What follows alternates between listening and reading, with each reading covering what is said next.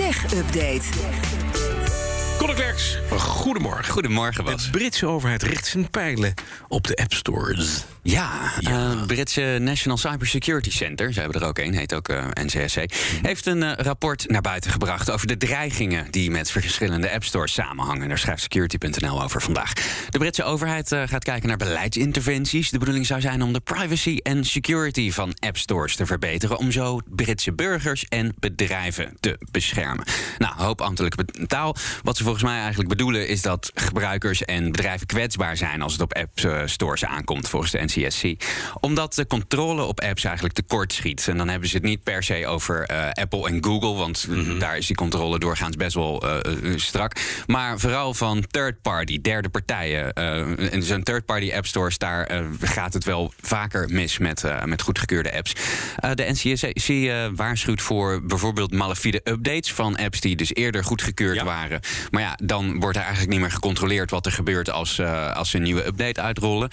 En eh, in het verlengde daarvan dat, dat het ook mogelijk is voor kwaadwillenden om bijvoorbeeld een, een app die al in de App Store eh, staat en misschien populair is. Een bona fide app. Een bonafide app die, eh, die veel gedownload wordt, om die eh, te kopen. En daar dan eh, via een update eh, ook weer eh, kwaadwillende eh, software in te verwerken. aan te plakken. ja. Is dat een groot probleem, Connor? Ja, op dit moment zou je zeggen dat het wel meevalt. Omdat eh, third-party app stores eigenlijk helemaal niet zoveel worden gebruikt. Maar eh, er lopen allemaal grote mededingingszaken tegen Google en Apple. En als eh, daaruit rolt dat, eh, dat de hegemonie van die eh, grote twee eigenlijk gebroken moet worden. dan komen er in potentie wel een heleboel app stores bij. En dan is dat natuurlijk wel een, zou dat een groot kunnen risico zijn. kunnen Ja, zijn, inderdaad.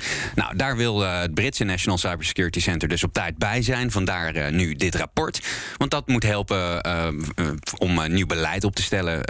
ja, die dus die veiligheid en privacy van app stores kan verbeteren. En dan komt er alweer een stemassistent voor slimme speakers. En nu van het Chinese Sonos. Moet je daar ook mandarijn voor kunnen, of niet? En volgens mij niet. Volgens mij hoef je alleen maar Hey Sonos te roepen en eh, moet het dan, eh, dan gaan werken. Ja, Sonos kennen we natuurlijk voornamelijk van, van de draadloze speakersystemen in huis. hè, waar je maar naar, naar eh, muziek mee kan luisteren. Of eh, naar BNR bijvoorbeeld. Maar ze willen een eigen stemassistent. En The Verge eh, schrijft dat ze daar binnenkort al mee komen. Je kunt nu al eh, je Sonos-systeem eh, met je stem bedienen. Dat gaat dan via Alexa, de assistent van Amazon, of via de Google-assistent. Die kun je in Sonos integreren. Maar Sonos wil naast de hardware eigenlijk nog meer diensten zelf gaan aanbieden. En een eigen stemassistent die past dan in die strategie. Wordt waarschijnlijk niet heel revolutionair voor anders dan de concurrentie. Waarschijnlijk gaat de assistent Sonos Voice heten. En je be- bedient hem dus door naar je apparaat Hey Sonos te roepen. En dan bijvoorbeeld Hey Sonos, luister naar BNR. Precies hetzelfde als eh, bij Alexa of de Google-assistent. Hoeven we niet lang op te wachten. Volgens eh, bronnen van The Verge is die bijna klaar. Begin juni wordt hij in Amerika beschikbaar. En niet veel later komt het in Europa uit. Ja, en dan zeggen we altijd... Hey Google, zet hem even harder. ja, precies. Nu mensen die gaan ineens denken van... Goh, staat hij hard. Blijf even bij muziek, want Soundcloud heeft een interessante overname gedaan. Ja, Soundcloud is eh muziekstreamingsdienst. Is vooral eh, geliefd bij wat minder mainstream eh, muzikanten en luisteraars. Ook veel opkomende artiesten eh, zetten daar muziek op, omdat er geen drempel is. Je kunt daar gewoon uploaden als je wil. Ze hebben nu het bedrijf Musio gekocht, schrijft nu.nl vanmorgen. Oké. En Musio heeft een, een AI-toepassing ontwikkeld die muziek analyseert en een bepaald, op, op, op basis van bepaalde patronen ehm, hits moet gaan herkennen. Dat is handig. Dus hitpotentie eigenlijk eh, via, een, eh, via kunstmatige intelligentie. En dat is dan weer heel handig voor Soundcloud. Want zij eh, bepalen natuurlijk graag wat er voorgeschoteld wordt, welke muziek je aangeraden krijgt. Hoe ze dat nou precies gaan aanpakken is nog niet bekend. Maar volgens Soundcloud kan die techniek dus trends en talent her- herkennen in een vroeg stadium. Eigenlijk eerder dan zij het zelf kunnen doen. Dus ik ben benieuwd of dat een beetje gaat werken. Het is geweldig, want dan hoef je dus als producer niks meer te doen. Maar dan zet je Musio aan en dan Ja, kan je die band laten spelen, weglopen, koffie gaan drinken. Als je terugkomt staat er een groen of een rood buttetje bij, denk ik. Mark Zuckerberg was in Italië om daar te praten over slimme brillen. Ja, dat zien we op zijn eigen Facebookpagina. Daar heeft hij een foto geplaatst met de topman van Essilor Luxottica, een groot brillenmerk. hè. En daar werken ze al mee samen. Bijvoorbeeld eh, aan de Ray-Ban Stories. Dat is een zonnebril met een eh, eh, camera erin onder andere. Daar kun je ook muziek mee luisteren. En er staat op de foto met die topman, meneer Del Vecchio. En als je goed kijkt naar die foto, dan zie je dat hij iets heel bijzonders om zijn pols heeft. Oh, ik wou net zeggen, meneer Vuk heeft geen bril op. heeft geen bril. Nee, op. Nee, dat, grappig dat is ook bijzonder. Ja. Dus, ja. Maar wat heeft hij om zijn pols? Hij heeft om zijn pols heeft hij het prototype voor wat ze een neural interface noemen.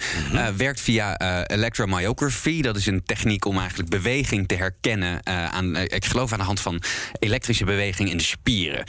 dat gebruiken ze bijvoorbeeld in ziekenhuizen al voor medische onderzoeken, bepaalde onderzoeken. Maar je kan het dus ook gebruiken om handbewegingen te herkennen. Dus dat kleine kastje om de pols van meneer Del Vecchio herkent eigenlijk of hij één vinger opsteekt of twee vingers of een duim geeft. Of op een andere manier met zijn, uh, met ja, zijn hand. Dus de muis van je hand wordt echt de Inderdaad.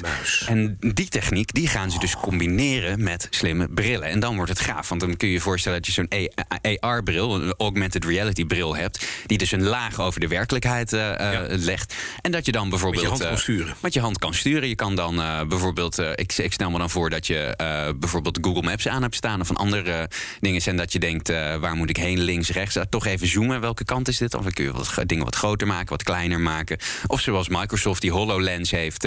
Die uh, wordt voornamelijk door ingenieurs gebruikt. Maar dan kun je bijvoorbeeld een motorblok door je handen zo uit elkaar te bewegen. Te kun je de, de, de, de, een driedimensionale weergave van zo'n motorblok kun je helemaal ja, opblazen. Als je straks iemand Beetje zoals Iron Man. Met een Ray-Ban in de garage die staat bij een nieuwe auto. Die staat zo'n wijds gebaar te maken. Dan kijkt hij even naar de motor. Dat is, toch, wel handig voor jou. Super autootjes, ja. Het is briljant dat je dingen kan besturen met je vingers. Of je kunt gewoon uh, tinderen in real life. Dat je gewoon uh, langs iemand loopt en je swipe je gewoon. Swipe je gewoon. Mooi. dat je dat met je middelvinger doet ook. Dankjewel. De BNR Tech Update wordt mede mogelijk gemaakt door Lenklen. Lenklen. Betrokken expertise, gedreven resultaat.